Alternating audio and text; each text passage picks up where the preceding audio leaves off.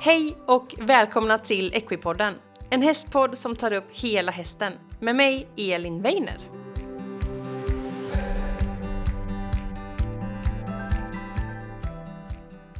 Äntligen ett nytt avsnitt av podden och jag vill hälsa dig välkommen till detta avsnitt helt enkelt. Och eh, veckans gäst, då välkomnar vi tillbaka Jonas Nordlund till podden. Och Jonas, han och hans fru jobbar ju och driver sin hästgård en bit upp norr i Sverige. Och de håller på med brukkörning och sina fantastiska hästar. Och eh, Jonas var med för inte alls länge sedan, det är drygt en månad sedan, nummer 178 av Veckopodden och då pratade vi om brukskörning och vad man kan göra och en sak som vi landade ganska fort i, det var det här med att man behöver en inkörd häst. Och då pratade vi lite efteråt och tänkte så här, vi behöver göra ett avsnitt om inkörning. Så här kommer det. Eh, Jonas berättar om sin process, hur de tänker när de eh, kör in sina hästar. Han börjar med fölet, fölhantering. Eh, vi arbetar oss igenom den här tryggheten, teamet runt, övningar, redskap, tömmar, skacklar, rep, eh, allt Jonas berättar allt. Det är så himla bra. Och det man slås lite av det är hur otroligt många steg det är för att få en trygg hästinkörning och hur viktigt det är att göra de här stegen för att verkligen få en trygg och fin välfungerande körhäst sedan oavsett vad man vill köra. Så det känns superduperkul att välkomna tillbaka fantastiska Jonas så vi kastar oss in. Här kommer veckans avsnitt.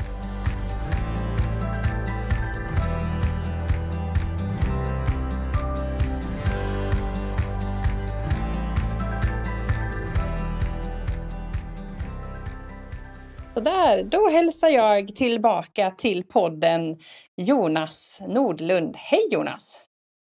Hejsan! Hur är läget idag? Ja men det är jättebra här. Det snöar lite grann ute och jag har hunnit skotta lite grann här på morgonen så att uh, allt, allt är bra. Ja, skön start ändå, när man kan få komma ja. ut och röra lite på sig. Ja men verkligen. Ja, Roligt och eh, du är ju comeback i podden eh, idag. för, eh, ja, precis. Ja, vi gjorde ett avsnitt för inte så länge sedan, eh, nummer 178 som gick ut den 24 januari. Så ja, typ en månad sedan. Och då pratade vi om brukkörning, för det är ju det som eh, ni håller på med i grunden egentligen. Och då pratade ja. vi lite om att, ja men det här med inkörning då. Att vi kände att ja, det behöver du också prata om. Så det blir lite dagens tema. Så om mm. man inte har lyssnat på det avsnittet då vill jag bara tipsa till dig som lyssnar nu att gå tillbaka och lyssna på det för det är helt fantastiskt. Men det kan ju vara bra kanske att lyssna på det här först då och sen gå ja, tillbaka. Precis. Men eh, Jonas, om man inte har lyssnat på det andra förut då, så vem är du? Ja, men eh, Jonas Nordlund heter jag som sagt, eh, bor på en gård med min fru och Eh, Eh, mina tre barn. Eh, gården kallar vi för Backfors gård. Den är i Västerbottens inland kan man säga. Mm. runt sex mil från Umeå. och vi har vi jobbar både jag och så min fru Elin på, på gården på heltid med våra hästar. Vi har nordsvenska brukshästar och vi försöker att göra så mycket som möjligt på gården med dem. Eh, både i, i skogen, i, på, på åkern och eh, ja, gårdssysslor helt enkelt som att köra vatten och så vidare. Så att mm. ja. Precis, det är ni lite använder kort om. hästarna liksom i ert arbete. Ja, precis. Mm. Precis. Och så har ni ju lite event och man kan komma dit och få åka lite häst och rida lite och, och Ja, men precis. Vi har, vi har, kör mycket, på vintern eh, är det mycket slädturer som vi kör. Mm. Man ska säga liksom turistkörning och, och sommartid då kör vi eh, en hel del turridning.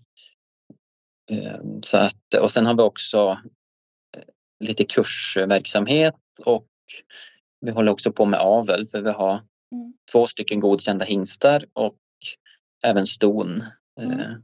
här på gården. Då. Så ja. det är lite allt möjligt. Ja, det blir några föl per år då kanske? Ja, men precis. Vi brukar ta mellan ett och, ett, mellan ett och tre föl per år. Nu har vi mm. faktiskt ingen dräkt i år. Vi betäckte mm. ingen ingen i fjol så att eh, det blir första gången på jättelänge som vi inte får föl här på gården. Så det, ja, men man, man överlever kanske ändå. Ja, det är väl lite skönt. Föl är ju lite mer jobb att göra. Å andra sidan så längtar man ju till att få klia en god fölrumpa. Det får man ju ändå säga. Ja, men precis. Jo, men verkligen. Så att, eh, ja, vi får se här. Det kanske är några i närheten som får föl som, som kanske efter våra hingstar vi kan åka och klappa. Ja, precis. Jag akut behöver lukta på ett föl en stund. Ja, precis. ja, men det låter ju som eh, bra. Det ska bara komma lite vår också då. Eh, ja. Så att det kan vi slippa snöskottning i alla fall. Ja. Men i förra avsnittet som snabbt så pratade vi om vad brukkörning är och du berättade ju mycket om olika redskap, vad man kan göra på gården. Vi pratade lite om åker och också det här i skogen att eh, kunna dra stockar och vi pratade mycket om utrustning och viktigt att den sitter bra och tömmar och så vi pratade om väldigt mycket bra saker när hästen kan. För det var det första du mm. sa i det avsnittet, det var ju att du behöver först en häst som är trygg och inkörd. Eh, så där ska vi landa lite idag. Ja. Och eh, vi har skrivit upp massa saker här på hur man går till med inkörningen. Men man får väl börja någonstans att man har en häst. Och då funderar jag på vilka egenskaper behöver man titta på liksom innan man ens börjar köra in? Vad behöver man titta på? Vilka grundkunskaper eller vilka egenskaper behöver hästen ha? Och kanske framförallt vad ska man se upp som kan vara varningsflaggor kanske? För att det mm. ja, inte kanske kommer bli så bra, så att säga. Nej men precis. Um, det, där, det skiljer ju lite grann också beroende på om, um, om man är en van kusk eller om, det. om det är den första hästen som man har mm. uh, som man ska köra in. Mm. Uh, för att om man, är, om man är en van kusk och har liksom kört in många hästar då skulle jag säga att en så lite hanterad häst som möjligt är nästan enklast att jobba med. Mm. Alltså en häst som inte har ja, typ en tvååring som ja, grundhanterad. Den är ja, van att bli ledd i grimma, mm. ta hovar och så vidare eh, på ett lugnt och, och, bra sätt. Den är van att stå själv och så. Då, det är liksom det enklaste att börja med kan man säga. Mm. Eh, för då har de inte fått lära sig något, vad ska man säga, något fel Ja, precis. Eh, Inga hyss. Nej, men precis. Oftast, oftast är det ju, eller egentligen alltid ska jag säga, så är det ju vi människor som, som eh, eh, ja, om man får säga så, klantar till det lite grann. Eh, som gör att hästen kanske blir ja, rädd eller, eller ja, andra saker som, som gör att inkörningen då blir eh, svår. Ja, precis. Så att en ohanterad, eller inte en ohanterad kanske, men en, en, eh, en häst som inte är körd. Välhanterad ung häst, den är mm. enklast att mm. börja med.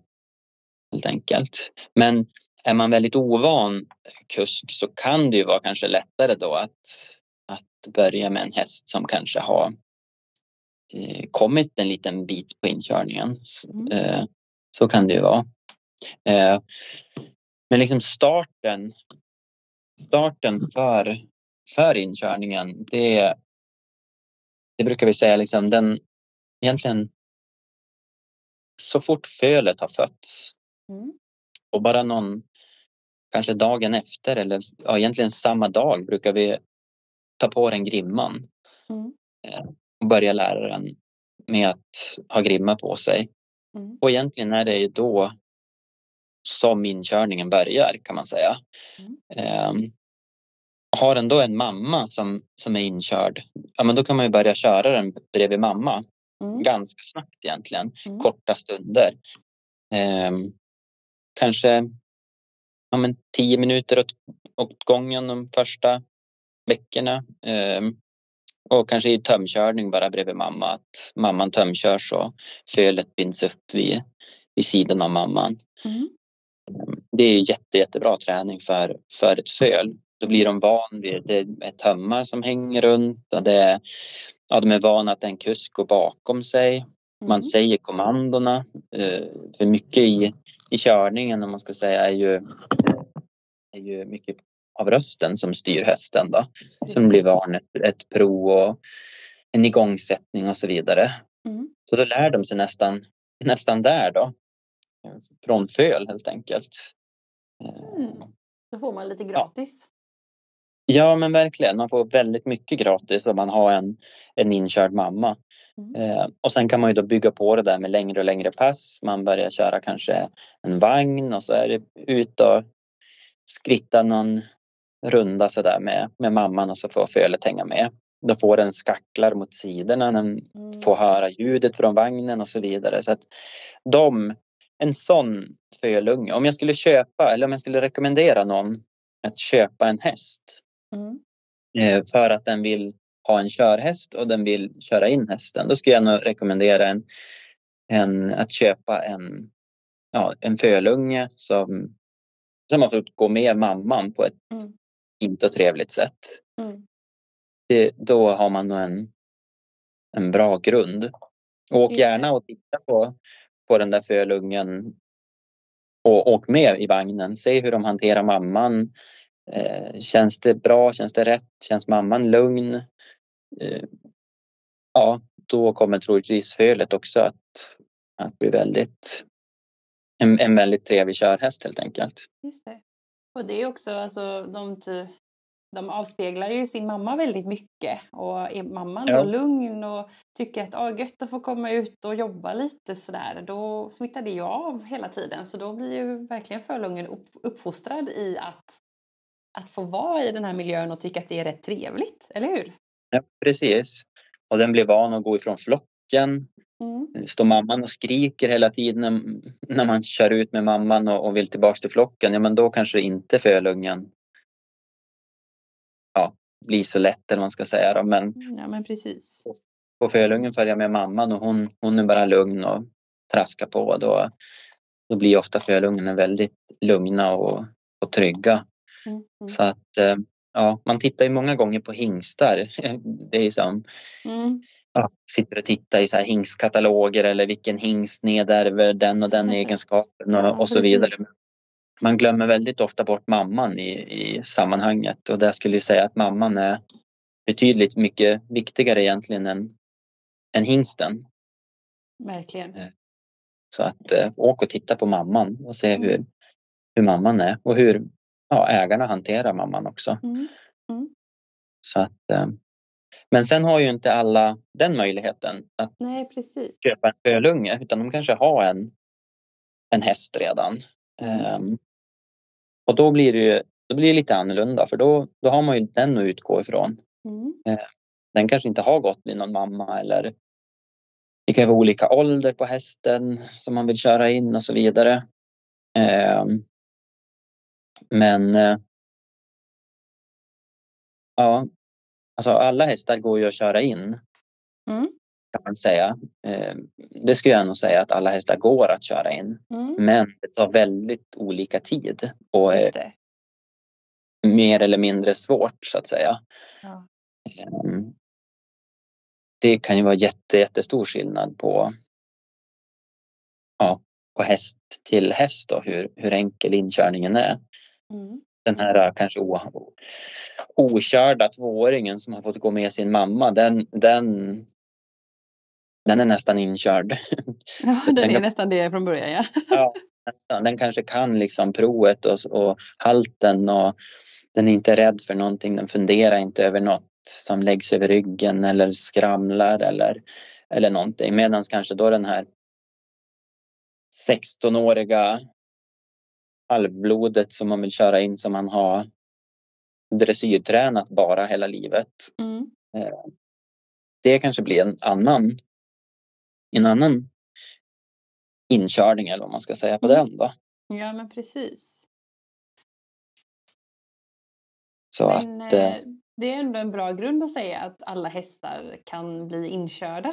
För det är ändå inte alla som tror att det kan gå men att det tar lite olika lång tid såklart. Men Eh, är det ja. någon så varningsflagga man ska se upp för och tänka att här behöver jag kanske ha en lite försiktigare approach eh, eller att här behöver jag kanske ta mer professionell hjälp om jag ser de här varningsflaggorna liksom? Ja men absolut. Eh, och ja, men vi har kört in ganska många hästar. Det har nog varit hundratal hästar och eh, de flesta går ju bra att köra in. Men eh, sen finns det ju de här hästarna som kanske har varit med om saker. Mm. Eh, och är till exempel bakskygga. Eh, ja, man kanske ser redan i tömkörningen att de reagerar för när man lägger tömmen över rumpan eller någonting. Mm. Eh, och, och liksom spänner sig för, för små saker. Eh, och speciellt om man då vet att de har varit med om saker också. Just det. De hästarna Ja, om vi, om vi får en sån häst då, som, som har varit med om någonting så brukar vi liksom känna av den. Hur, hur är den här hästen? Vad mm. tror vi? Och sen pratar vi med ägaren och säger att mm, den här går säkert att köra in men då kommer det att kosta Precis, det kommer ta mycket längre tid. Liksom. Vi får ja. hålla på två år med den här hästen.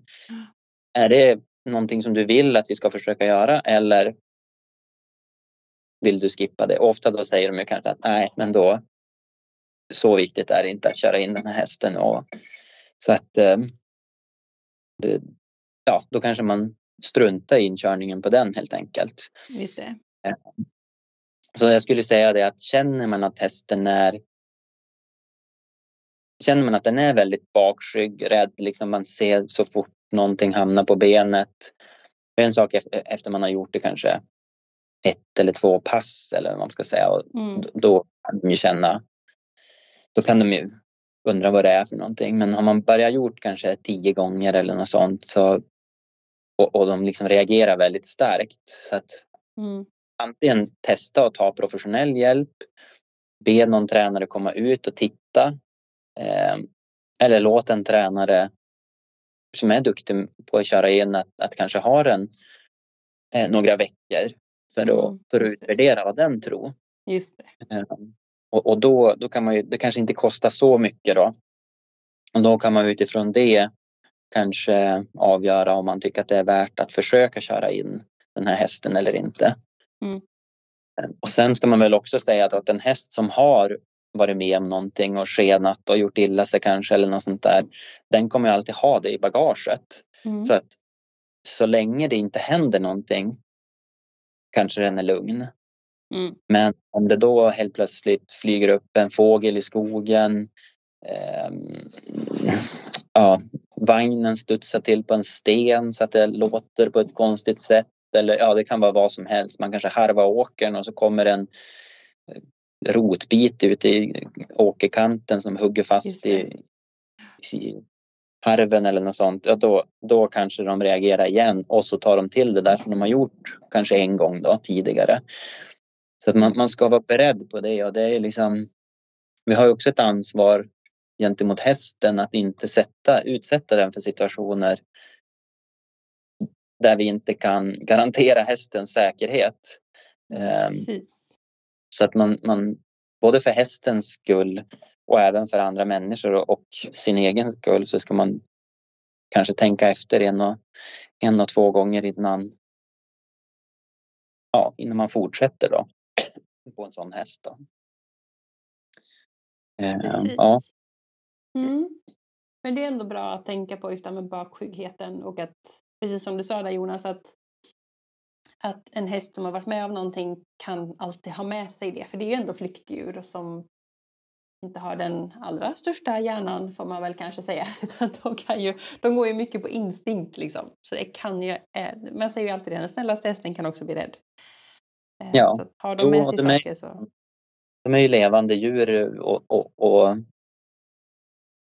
ja, blir de rädd så blir de rädd. Och, mm. och då, då försöker ju hästen lösa det på ett sätt. Eh, och har den upptäckt att den kan lösa saker på ett sätt som inte är så bra genom att fly till exempel. Just det.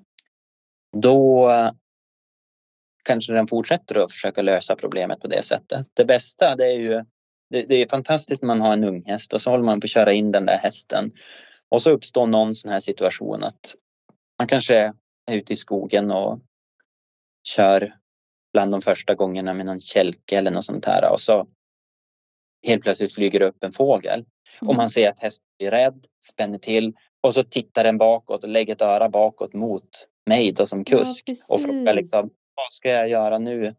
Och så kan man bara lätta i tömmen och säga gå Ja. fram. Och så hästen bara okej, jaha, det var bara, var bara det du ville. Ja, precis. Det var Det, var det jag ska göra. När jag blir rädd då ska jag bara göra så här. Då bara, ja, går vi bara på liksom. Ja. Och, och då har ju hästen frågat mig, för då litar ju hästen på mig. Mm. Eh, och då, ja, allting blir så mycket lättare då. Ja, Jag brukar säga det, att en häst som litar på sin kusk, eh, den kommer ju att lyssna på kusken. Vad tycker du att jag ska göra? eh, hela tiden.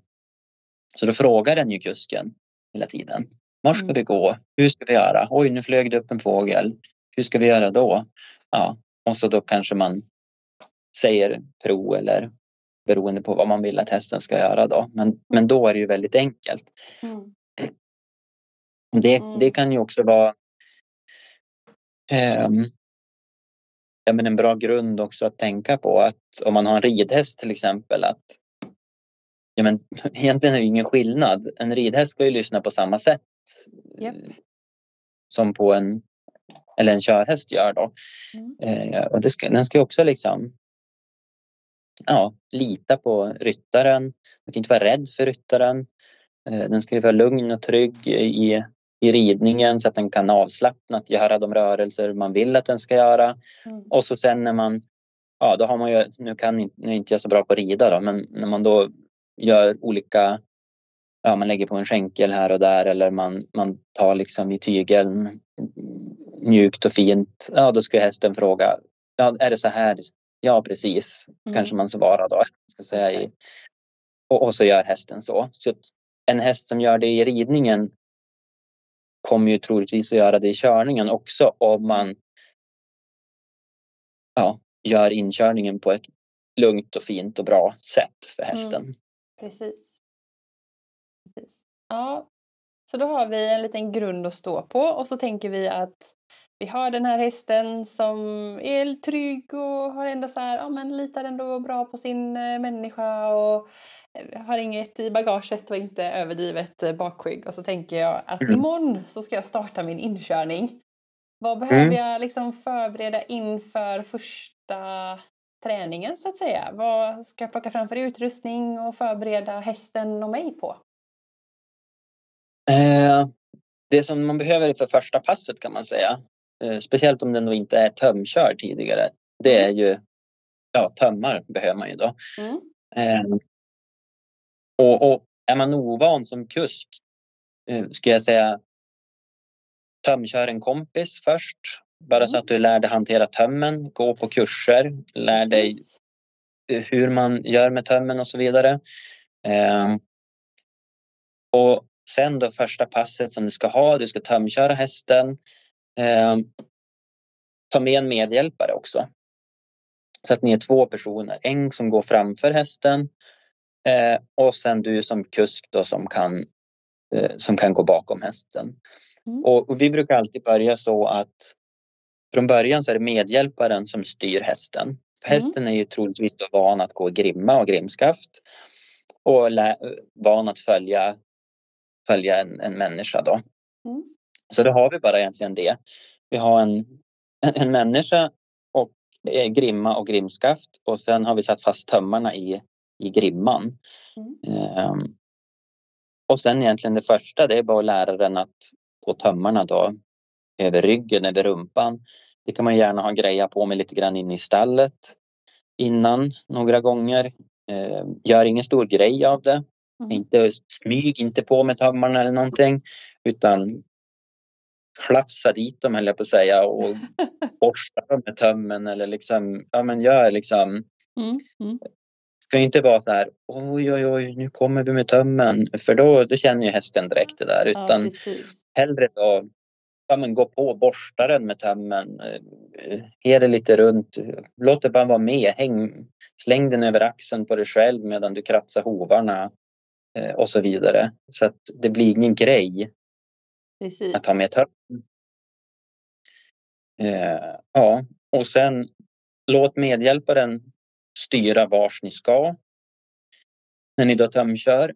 Eh, den får gärna prata också. Mm. Typ att vänster här framme. eh, Och man kanske är på en Ja, man kan både vara på en inhägnad ridbana eller något sånt. Men är hästen van att kanske ridas ut så gå ut i skogen och, och göra det här. Men säg gärna vars ni ska och så kan du som, eh, som eh, kusk då ta lite grann bara dit man svänger och lätta Mm. i den andra handen lite bara. Mm. Så att hästen blir liksom van att känna ett, ett litet tryck av, av grimman helt enkelt. Mm. Mm. Eh, och sen brukar vi också försöka lära in det beror på hur man, finns ju, man kan ju köra in bettlöst också om man vill, men om man vill ha bett då eh, så försöker vi lära in det i, i stallet, att den får stå och äta något gott med bettet. Mm. Eh, ja, det är egentligen samma som i, i ridningen när man vänjer in bett. Då. Ja, precis. Men eh, är den då van vid bett, ja då kan vi ju kanske efter man har sett att den reagerar ingenting på tömmarna. Jag brukar, jag brukar säga det, den ska kunna i alla fall den ska hästen ska inte reagera någonting på varje moment. Så att kör momentet tills dess att den inte reagerar. Mm. Sen kan man gå vidare. Just det. Så om man då lagt till tömmar till exempel.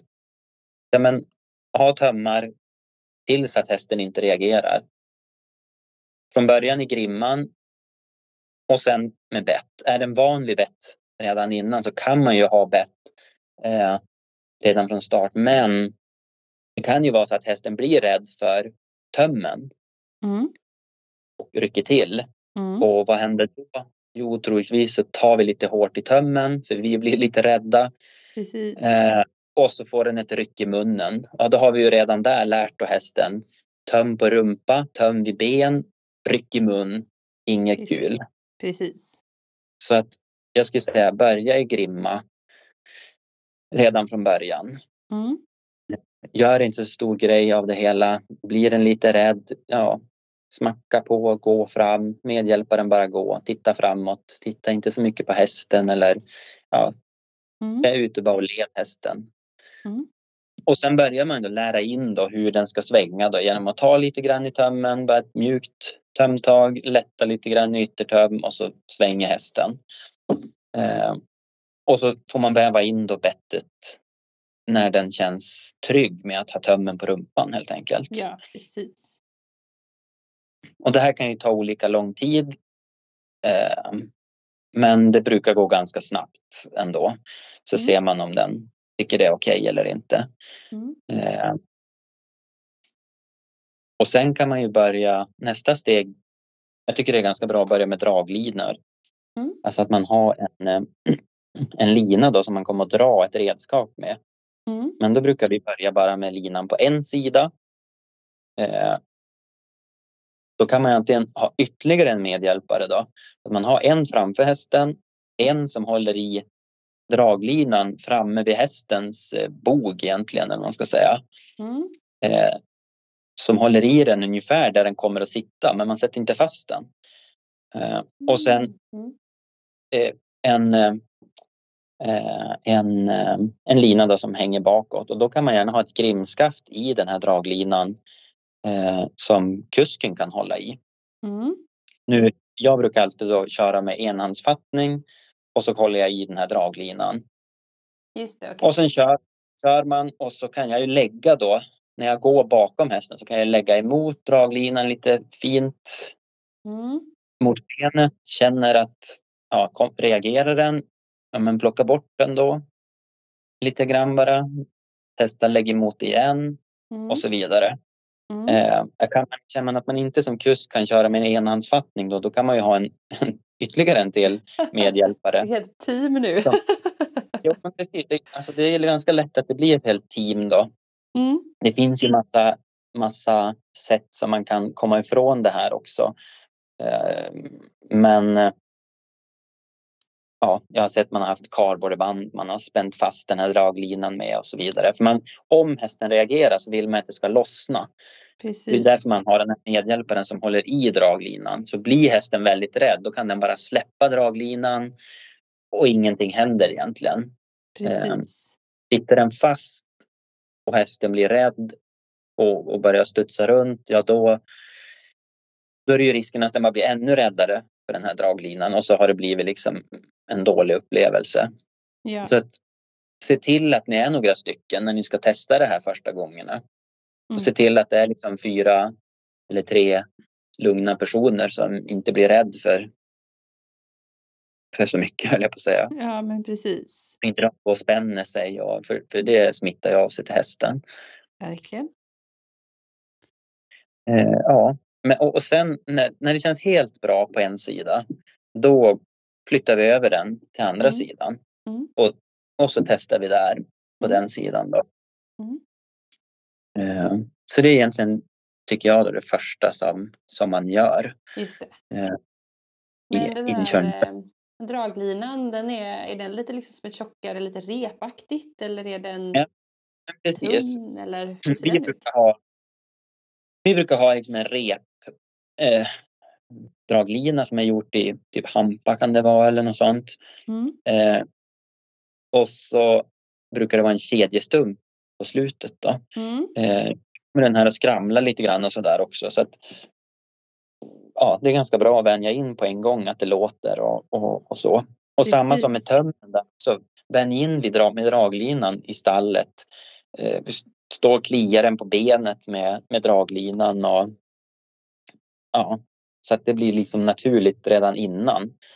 Eh, ge den något Precis. gott att äta och så sen gå förbi med draglinan bara. Eh, Ja. Gör inte så stor grej av det. Man kanske kan eh, Ja, när man går ut från stallet och så får den stå och äta lite gräs och så tar man fram draglinan och så kliar man bakbenen Mm. lite grann med, med draglinan. Ja, precis. Nej, men Så det var ju ja. ganska smart liksom att, att inte sätta fast den utan ha en person då som går bredvid. För att om hästen blir rädd så antar jag att den ge- medhjälparen bara liksom samlar upp linan Ja, då- då. ja. Eller om det skulle Ja. hända något liksom. Släpp bara linan och så då, då, är inte, då behöver den inte bli rädd mer för linan så att säga utan Nej, precis. Då- bara släppa den och så sen får man börja om. Ja. Ja, men det Helt låter ju smart. Mm. Så det är liksom första och- och det tar ett antal gånger då att man gör det här. Ja, men se till så att inte hästen då reagerar på det här. Kör Mm. på tills den inte reagerar. Och Mm. att reagera för en häst kan ju vara ganska olika.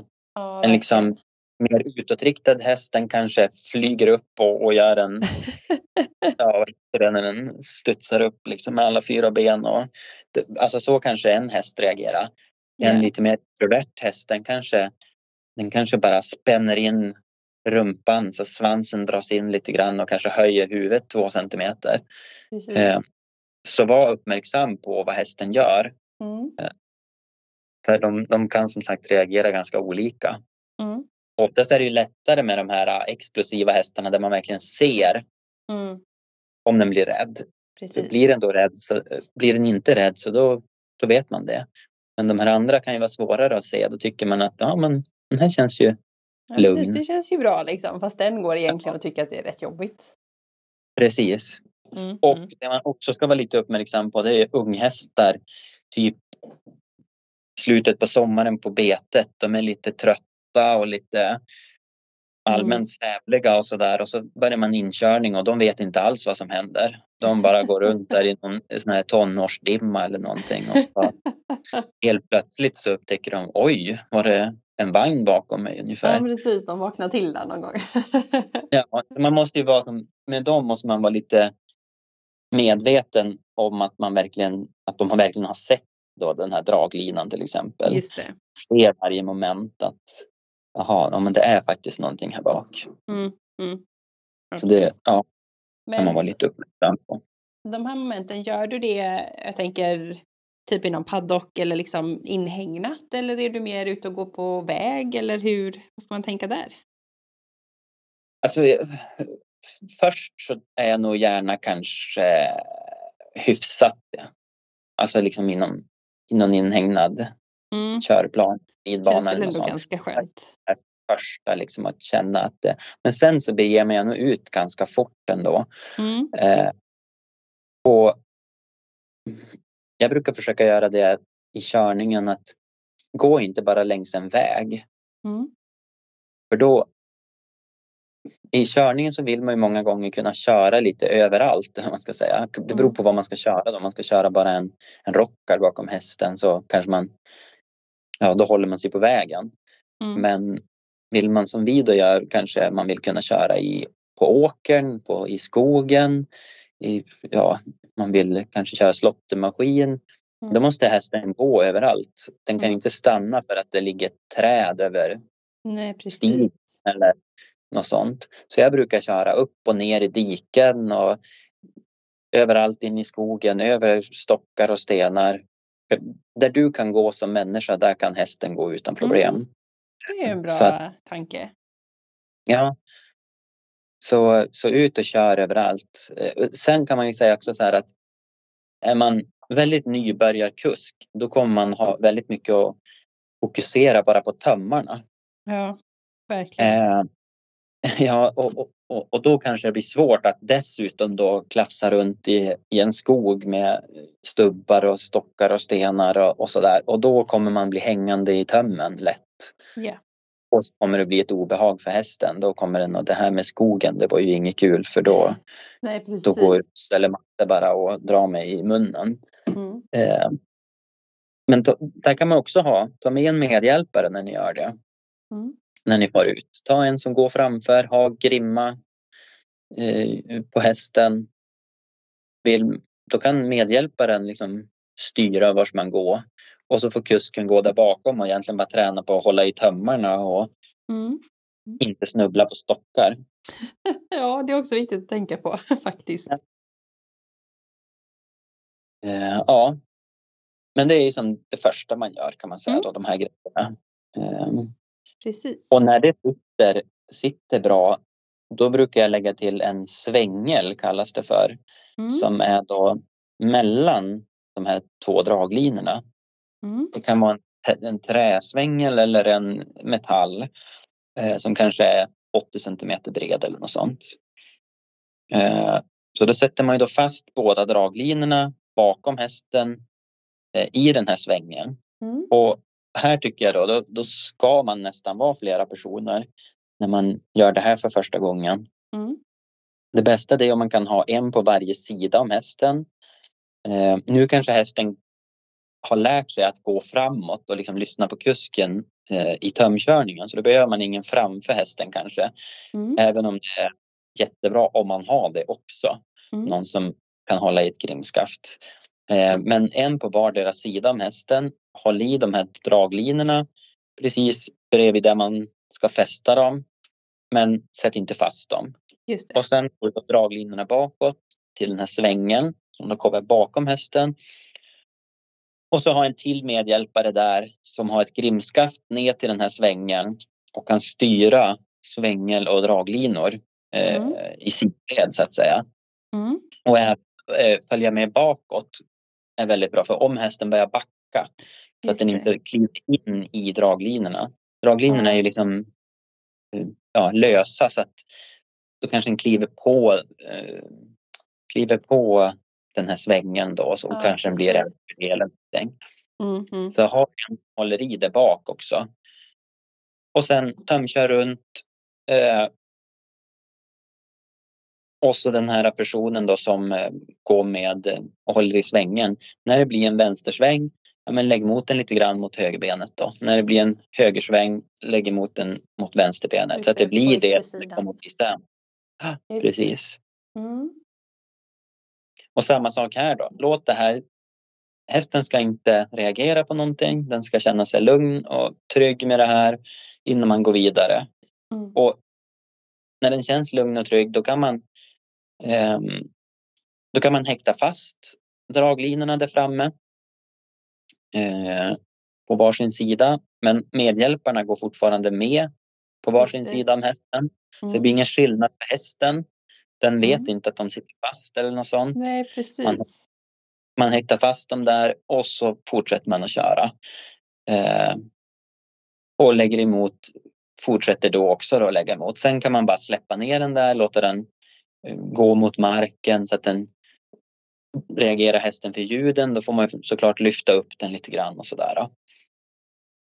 Eh, ja, så att den känner sig lugn och trygg mm. med det här. Den mm. känner sig lugn och trygg med det. Då kan man lägga in lite att den som går bakom då drar lite grann mm. i svängen i, från grimskaftet då. Eh, så att den får känna att det blir lite tryck i selen. Just det. Eh, och när det känns bra och man kan tömköra runt med den här sladdrandes bakom utan problem, ja men då kanske man testar att hänga på någonting i den här svängen. Ofta mm. brukar vi ha bara kanske en liten en liten kedja som vi sätter fast en liten stock i eller något sånt. Mm. Eh, som vi sätter fast och så kör man runt med den där. Mm. Eh, på no olika ställen så att det får låta. Och, och det här, nu tycker jag, är det sin egen häst som man har, då skulle mm. jag säga kör ganska mycket med det här innan man går vidare. Liksom ut och kör i skogen, ut och kör, kör runt i paddocken och så vidare. Man kanske kan gå över till en harv. Eh, man behöver inte ställa ner harven så att det går jättetungt utan en, en lättare harv och sådär. Mm. Eh, ja, och känna att den känns helt lugn och trygg med det. Så i det här momentet kan det vara bra att stanna lite och kanske försöka hamna i många situationer. Som du sa att jag är där, jag är i skogen, jag är i diket, jag är på åkern, jag är i paddocken. Så att man ham alltså, testar verkligen ja. är trygg då. Att man, för det är lätt kanske att skynda på när man känner åh vad långt jag kommit nu. Jo men precis, då, då tänker man bara att man vill fortsätta. Men ut och, ut och kör, då kommer man både träna sig själv och, och hästen. Och, och draglinorna är så mjuka också så att det, det, det blir ganska snällt mot benen och sådär. Mm. Det som är svårigheten med draglinorna och där är det lite olika uppfattningar också vad man tycker är bäst. Då. Eh, men, men det kan vara just när hästen backar. Mm. Har man draglinor då viker de som bara ihop sig och så kan hästen backa in i redskapet. Ja, eh, om man har en harv till exempel så vill man absolut inte att hästen ska backa in i harven. Nej. Nej. Eh, så då måste ju verkligen hästen lyssna på ett, ett smack. Man kanske verkligen ska ha med den här medhjälparen som går framför och kan hjälpa hästen framåt. Mm. Och så vidare. Och vissa tycker då att det är bättre man kanske ändå börjar med draglinor men när man ska börja dra någonting då börjar man egentligen på samma sätt som med draglinorna. Man börjar med, man får göra en, bara en skackel då. Mm. Testar den på en sida. Testar man en skackel på andra sidan, känns det bra? Och då sätter man på då, ofta gör man en lite bredare skackel då. Skacklor det är alltså det, det hästen drar till exempel en kälke med. Alltså, ofta kan det vara träskacklor. Och, precis, det eh, hårda vid sidan. Ja men precis. Och de går ju då ner bakom hästen ner mot marken kan man säga om man har mm. släpande skacklar då. Eh, och backa hästen med dem, då kommer ju de att ta emot. Så då kan inte hästen backa. Så vissa mm. tycker att det är bättre då att, att eh, eh, börja med det då. Mm. Men, men då tycker jag lite grann att jag vill lära hästen att den inte ska backa om inte jag säger backa. Precis, inte hamna i den, i den situationen liksom. Nej men precis, den, den, hästen ska kunna det innan jag går in. Så det måste man träna då i tömkörningen, att den får inte backa om, om inte jag säger backa. Just det. Eh, mm. Då kör jag vidare, för annars kan det bli, tycker jag då, så att kanske hästen backar och så tar skacklarna emot och då försöker den komma undan genom att kanske vika ut rumpan och då smäller den emot skacklarna och så viker den åt andra hållet och så smäller den emot där och så blir det liksom en situation av det hela. Så ja, jag tycker det är ganska bra att köra med draglinorna. Mm. Men det är mycket, mycket olika moment, håller jag på att säga, och eh, ha tålamod bara. Beröm mm. hästen. Mm när man ska lära in skacklarna också till exempel då att eh, lägga ut ett par skacklar och så gå ut dit och ge något gott och så får den stå i eller på, över eller snett. Ja, hur som helst över de här skacklarna och så får den äta någonting gott. Mm. Eh, så att den börjar bli van det här med, med att vara runt dem, att det blir positivt med dem. Precis. Man kan ju lära in att den ska ställa sig i skacklarna och då får den det goda. Det. Eh, så att, eh, ja. Och sen gör man egentligen då som sagt samma sak med dem som med, med draglinorna då. Och gå inte vidare förrän allt känns bra. Mm. Och börjar det strula så backa tillbaks. Backa tillbaks till draglinorna, kör med med dem. Mm. Skulle jag säga. Mm. Bra. Det är mycket tålamod. Och många, liksom, Mycket tålamod. många moment. Och, Men, och en sak som är viktig mm, och det är ju svårt eh, ibland kanske. Men det är verkligen att bli aldrig arg på hästen. nej, precis. För det, det hjälper aldrig. Nej. Det jag med hundra procent säkerhet säga att, att bli arg på en häst hjälper aldrig i någon situation. Så att, att liksom Ja, man, måste, man ska inte göra det någon dag som man är på dåligt humör eller man vet att eh, man har haft mycket eller liksom, utan jobba när det känns lugnt och bra och ja, och börja inte tjafsa med varandra heller. Man har medhjälpare och så är det sin fru eller liksom något sånt, sin sambo. Ja, då, för det märker man ju när vi har kurser och sånt. Ja. Det är ju det vanligaste då. Men du skulle ju hålla där. Nej men nu var det ju så här. ja, precis. Och då man tappar både fokus och man eh, ja, kommer ju, att- liksom, hästen kommer att känna oj, vad är det här för någonting nu? Ja, precis. Det händer grejer runt mig. Liksom. Vad ska jag göra? Och så blir den lite osäker då. Ja. Ja. Så lugnt, lugnt och fint. Gör det på hästens villkor. Vi har, det, är vi som har satt hästen i den här situationen. Så vi måste ju se till att det går bra. Det är vårt ansvar. Det är inte hästens ansvar eh, att se till det. Utan det är vi som, som måste se till att, ja, att det går bra för hästen. Precis. Precis. Vi måste skapa förutsättningar för hästen att lyckas. Och berömma den ut ur det. Och där får man ju vara lite ärlig mot sig själv. Liksom. Nej, men jag har haft en tung dag på jobbet. Eller det var bilköer och jättestressigt. Eh, Jag är inte i sinnesställning. Nej, men då kanske inte jag ska göra det här idag. Utan jag får Nej, meditera kanske lite. Klia Ja, lite. Jo, men där måste man försöka lära känna sig själv då och hur man reagerar för att ja. ja. det hjälper som sagt aldrig att bli arg eller less. Eller, men att vara konsekvent, att, att Mm. vara lugn, att vara liksom, ja men det hjälper. Mm. Försök bara lugnt och- stilla. Ja, träna, Precis. träna hästen och beröm mycket. ja. Alla gillar beröm. Ja, och vi brukar inte ge så mycket godis till våra hästar sådär men, men eh, är man van att jobba med, med godis och så, så är det ju ett jättebra tillfälle att göra det just vid Mm. inkörningen. Eh, och just det här en god säck med hö eller någonting. Det, det tycker ju alla hästar är super. Jajamän. Eh, så använd, använd er av alla beröm som ni kan som ni kan när ni kör in hästen. Ja, men precis. Och sen skulle jag också säga att nu har vi gått igenom, det är ju väldigt svårt att gå igenom en inkörning Ja. och sen ska ni då som, eller de som lyssnar på det här Mm. gå ut och köra in sin häst eh, utifrån en, en podd eller vad man ska säga. Jag skulle ju Precis. verkligen rekommendera att det här, ja, man kan ta till sig de här grejerna men sen kanske ta hjälp av, av någon.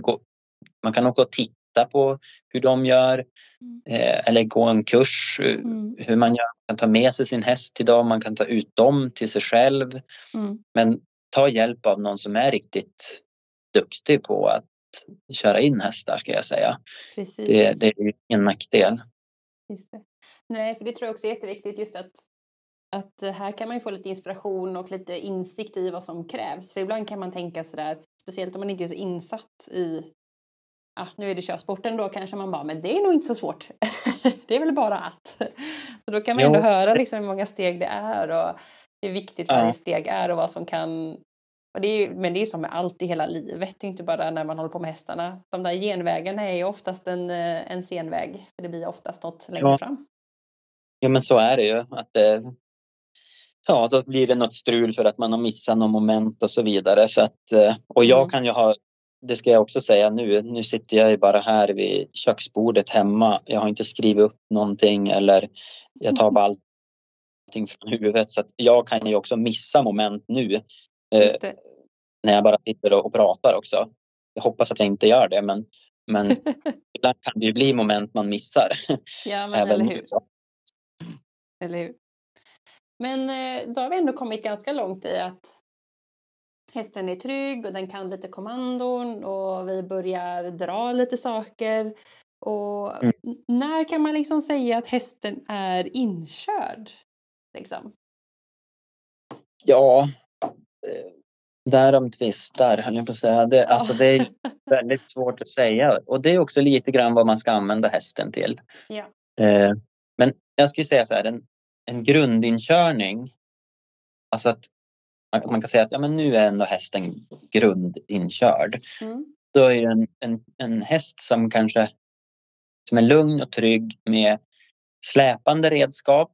Mm. Alltså typ en harv till exempel. Mm. Den är trygg med skacklar som släpar.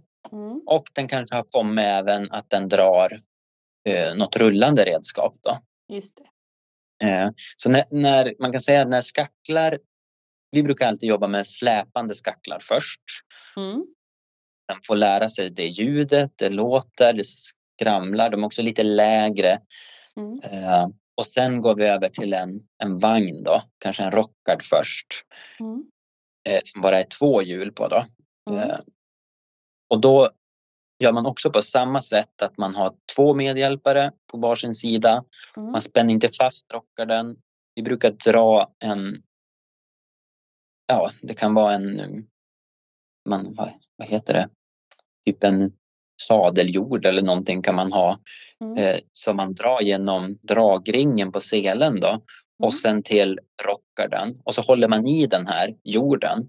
Så att ingenting sitter fast men man, man får lite hjälp, den, den sitter liksom fast i selen ändå men släpper mm. man då släpps allting löst så att säga.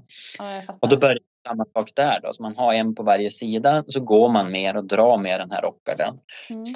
Då gör man det då kanske man, jag tycker det är ganska bra att man går fem meter, tio meter, man bestämmer det innan. Alltså första gången man ska dra den här rockarden. Vi går fem meter då, helt enkelt mm. och så gör man en halt. Känns allting bra?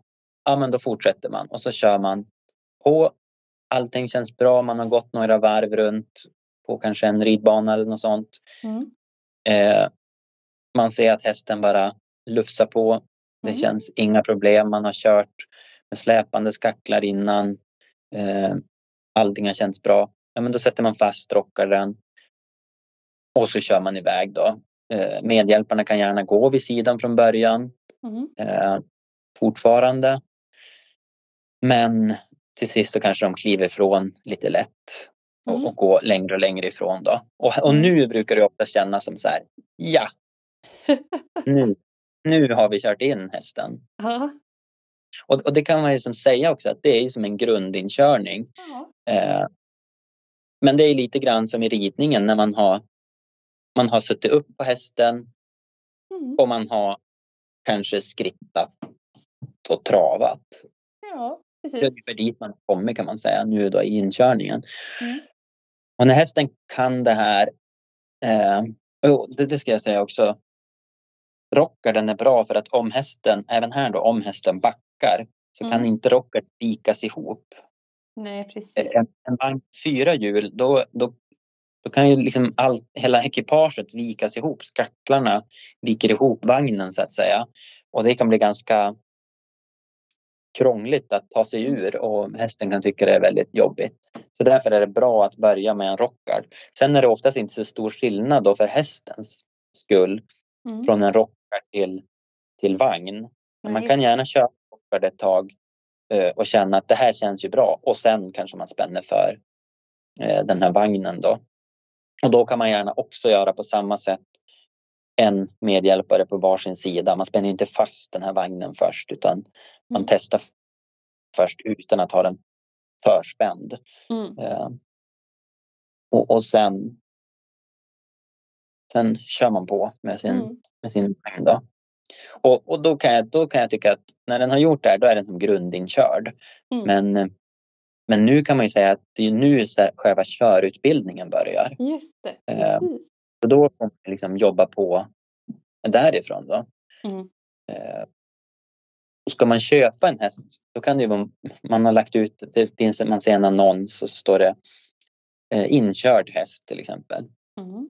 Ja, det är ungefär som att skriva inriden häst då, men man har ingen aning om, ja, i ridningen då har man ju i dressyren, då kan man ju skriva utbildad lätt B eller Ja, utbildad precis. medel A eller vad man säger. Eh, då har man en ganska bra koll på vilken nivå hästen är på.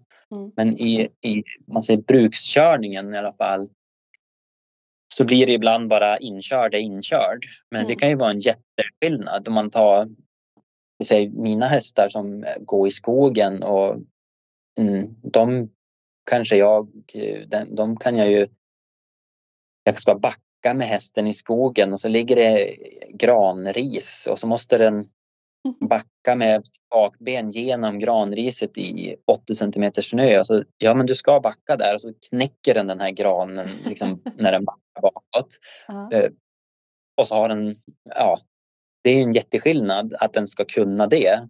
Ja men just att det är ganska stor skillnad då på, på inkörd och inkörd eller hur utbildad hästen är. Så det kan man gärna fråga om om man ska ja, köpa en häst då så att säga. Att, och jag brukar säga det, åk och titta på den här hästen och känn verkligen vad den kan göra. Och allt det du vill att den ska kunna göra, det ska den ju också kunna göra när du är där och testar den. Eh, Precis. Det är Så att bra att inte tänka säger- på. Den här, är, den här är inkörd. Jaha, men kan vi åka ut i skogen och testa dra en stock? Ja, det kanske inte vi. Ja, Vi har ingen. Ja, då är det ju svårt att veta om den kan det eller blir den livrädd om man kör med, kör med en stock i skogen. Mm. Eh, Så man inte bara, den kanske kan- bara kan gå med en rockad på en väg. Eh, och annars skenar den till exempel. Så ja, testa hästen lite grann och Mm. Det är Se vad den kan. Ja, men Mm. Då har vi ju en ganska bra grund för vad den är. Eller liksom sådär nära den inkörd. Men då har jag nästa fråga och eh, man kan ju göra så mycket olika saker. Alltså, bara om man tittar inom brukkörningen så är det ett jättestort eh, brett eh, spektra. Och sen så kan man ju hålla på med sportkörningen som kanske är lite annorlunda eller också känner man att eh, vi vill köra in våran ponny och ha mysiga bara skogsturer eller vad man nu vill göra. Är det någon skillnad på själva inkörningsprocessen beroende på vad man tänker sig att man vill göra med hästen framåt sen? Eh, nej, men den här grundinkörningen den tycker jag är som eh, samma egentligen. Mm. Den ska vara lugn, trygg och jag brukar alltid skritta. Men, Alltså för mig så behöver man inte trava så snabbt. Mm. Eh, trava, det kan man liksom lära in senare men att lära in halt, skritta och vara lugn. Mm. Det då kan man liksom bygga på därifrån vad som helst sen. Men ja, just det här lugna och, och just att hästen får förtroende för, för dig som kusk. Eh, Om det ska vara roligt att vara ute och köra. Då, ja, det, det är liksom en jättebra grund. Sen kan man ju säga efter då den här ja, grundinkörningen eller vad man ska kalla det. Ja, men då kan man kanske mer specifikt rikta in sig på, vill man ha en häst som bara ska vara ute i skogen och jobba i princip, Mm. ja men då kanske man jobbar med de grejerna lite mer och eh, ja. Och vill man ha en häst som bara ska köra vagn, ja men har man då kommit till vagn, då typ jo- jobba på där med vagnen då i så Mm. fall. Mm. Men om ni då sen någon gång ska sälja hästen eller göra något annat så, så att man är ärlig då och säger att ja, men den här hästen har vi bara utbildat eh, grunderna och sen så har vi kört vagn med den. Mm. Eh, Så att, så att man inte liksom ja, Mm. ställer till det för hästen då i framtiden. Men det är bra om en, en ny ägare då verkligen vet vad hästen har, har gjort och vad den kan. Ja men precis. Och grunden är ju densamma som du sa där. Och Även om jag vill bara köra en rockad i skogen så är det ju aldrig dumt att hästen har gått med harv eller i eh, vagn. Eller, liksom. Det skadar ju inte. Och det man, ska, det man ska tänka på också är att det är ett väldigt bra komplement för hästen att kunna få göra lite olika saker. Det är inte Precis. alltid bara ha samma vagn som den drar utan det är jättenyttigt för hästar att till exempel gå i skogen. Mm. Eh, det tog vi upp förra Precis. gången jag var med också. Var man kan träna hästen då. Mm. Att köra och harva till exempel med hästen mm. är ju bra träning. Mm. Eh, än vad man ska göra egentligen. Mm. Precis. Ja, klockan går iväg och vi har pratat en timme. Det går så fort. Ja. Eh, men jag har faktiskt en fråga till som jag tänkte vi skulle ta. För det kom en lyssnarfråga på Instagram. Ja, men precis. Och eh, det handlade lite om om en häst börjar vända. Och då ja. är väl frågan lite, hur, vad, vad, vad händer då? Brukar de vända eller vad, vad, vad ska man göra då? Ja men det kan vara i det här läget när du börjar, det kan vara i tömkörningen redan från början där. Så vänd, kan hästen försöka vända och liksom, den är inte så van att gå fem meter framför kusken. Nej, precis. Ofta så är den ju van att man leder den mm. i grimma grimska. Så det, speciellt en ung häst kan ju bli liksom väldigt frågande och, och ja, vända av den orsaken. Mm. Anledningen. Eh, sen kan det också vara att den tycker att det är lite läskigt. Alltså den, den har kanske draglinor på varsin sida eh, och den vill ha lite koll så den vänder och så börjar den vända. Då liksom vill den vända ännu mer för att, och så blir den lite rädd för den där grejen och så ja, Mm. Så där är det som kusk då att snabbt kunna parera upp det här eh, så att inte hästen kan vända då, att snabbt vara med med man säger, yttertömmen då. Så vänder den till vänster, att man snabbt kan parera upp med högern och utan då att dra hårt också Just får man ju säga. Mm. För det går ju inte att bara rycka till i högertömmen så att, så att den, för då kanske den blir rädd för det då. Mm. Utan på ett lugnt sätt och tidigt måste man ju parera upp hästen. Är man van att rida så har man ju kanske mycket ben, sits, så man kan, och man sitter dessutom väldigt nära med tyglarna mm. på hästen.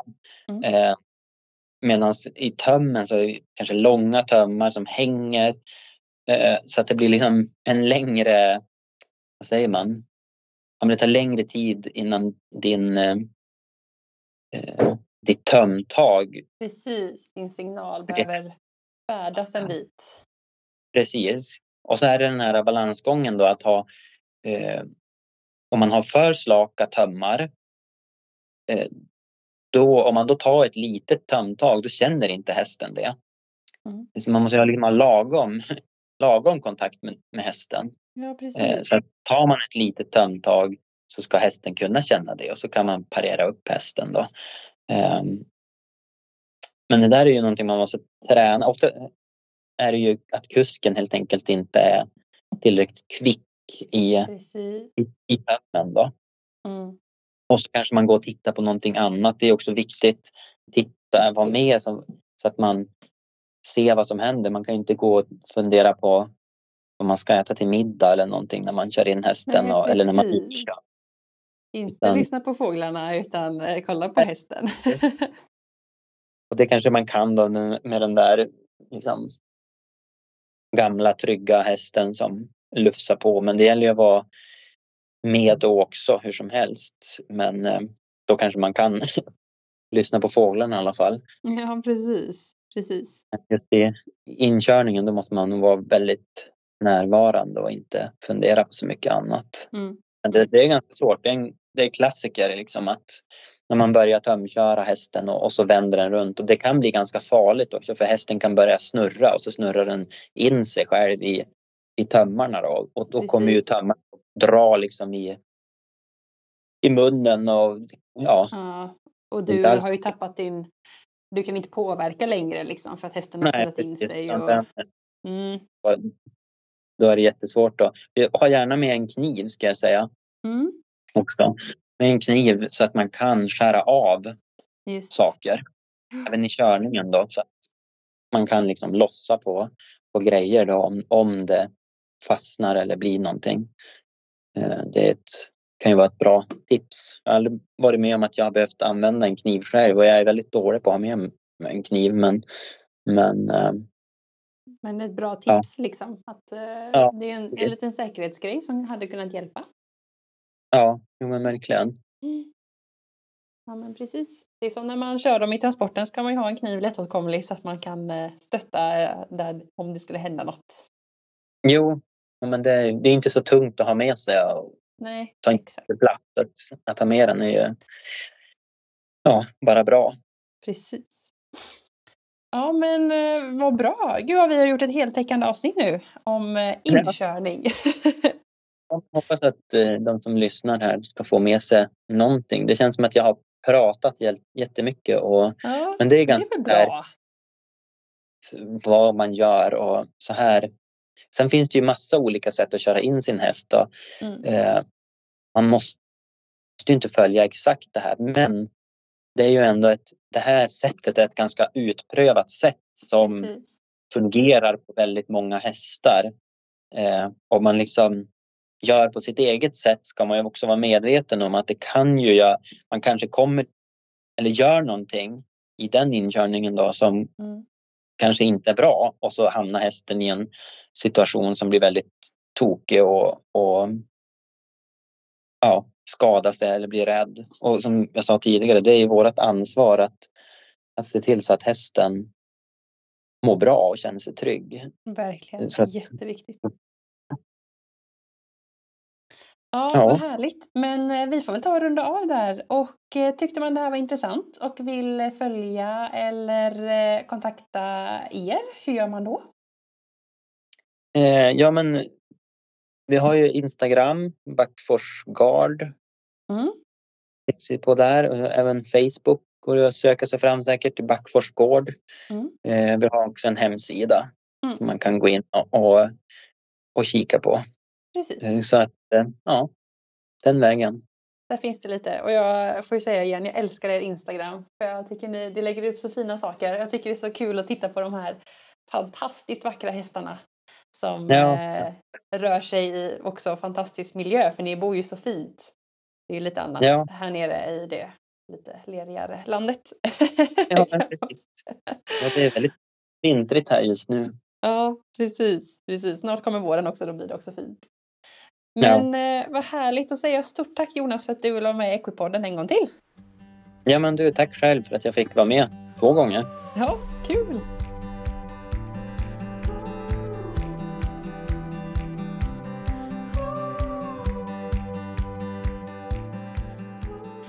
Ett eh, superhärligt avsnitt till ända. Stort tack Jonas för att du vill vara med i Equipodden en gång till. Och eh, tack till dig som lyssnar.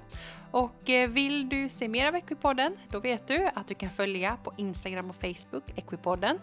Och där kan man tipsa om gäster och kommentera och hänga med för där dyker det upp också mycket spännande saker från podden. Och eh, nu när du har lyssnat får du också väldigt gärna lämna lite recension. Man kan lämna så här fem stjärnor till exempel om man lyssnar på Spotify eller på Apple Podcast. Så det hade jag uppskattat väldigt mycket om du kan tänka dig att göra. Och eh, där så får vi sätta punkt för den här veckan och eh, blicka framåt. Ha en fantastiskt härlig hästvecka så hörs vi snart igen. Hej då!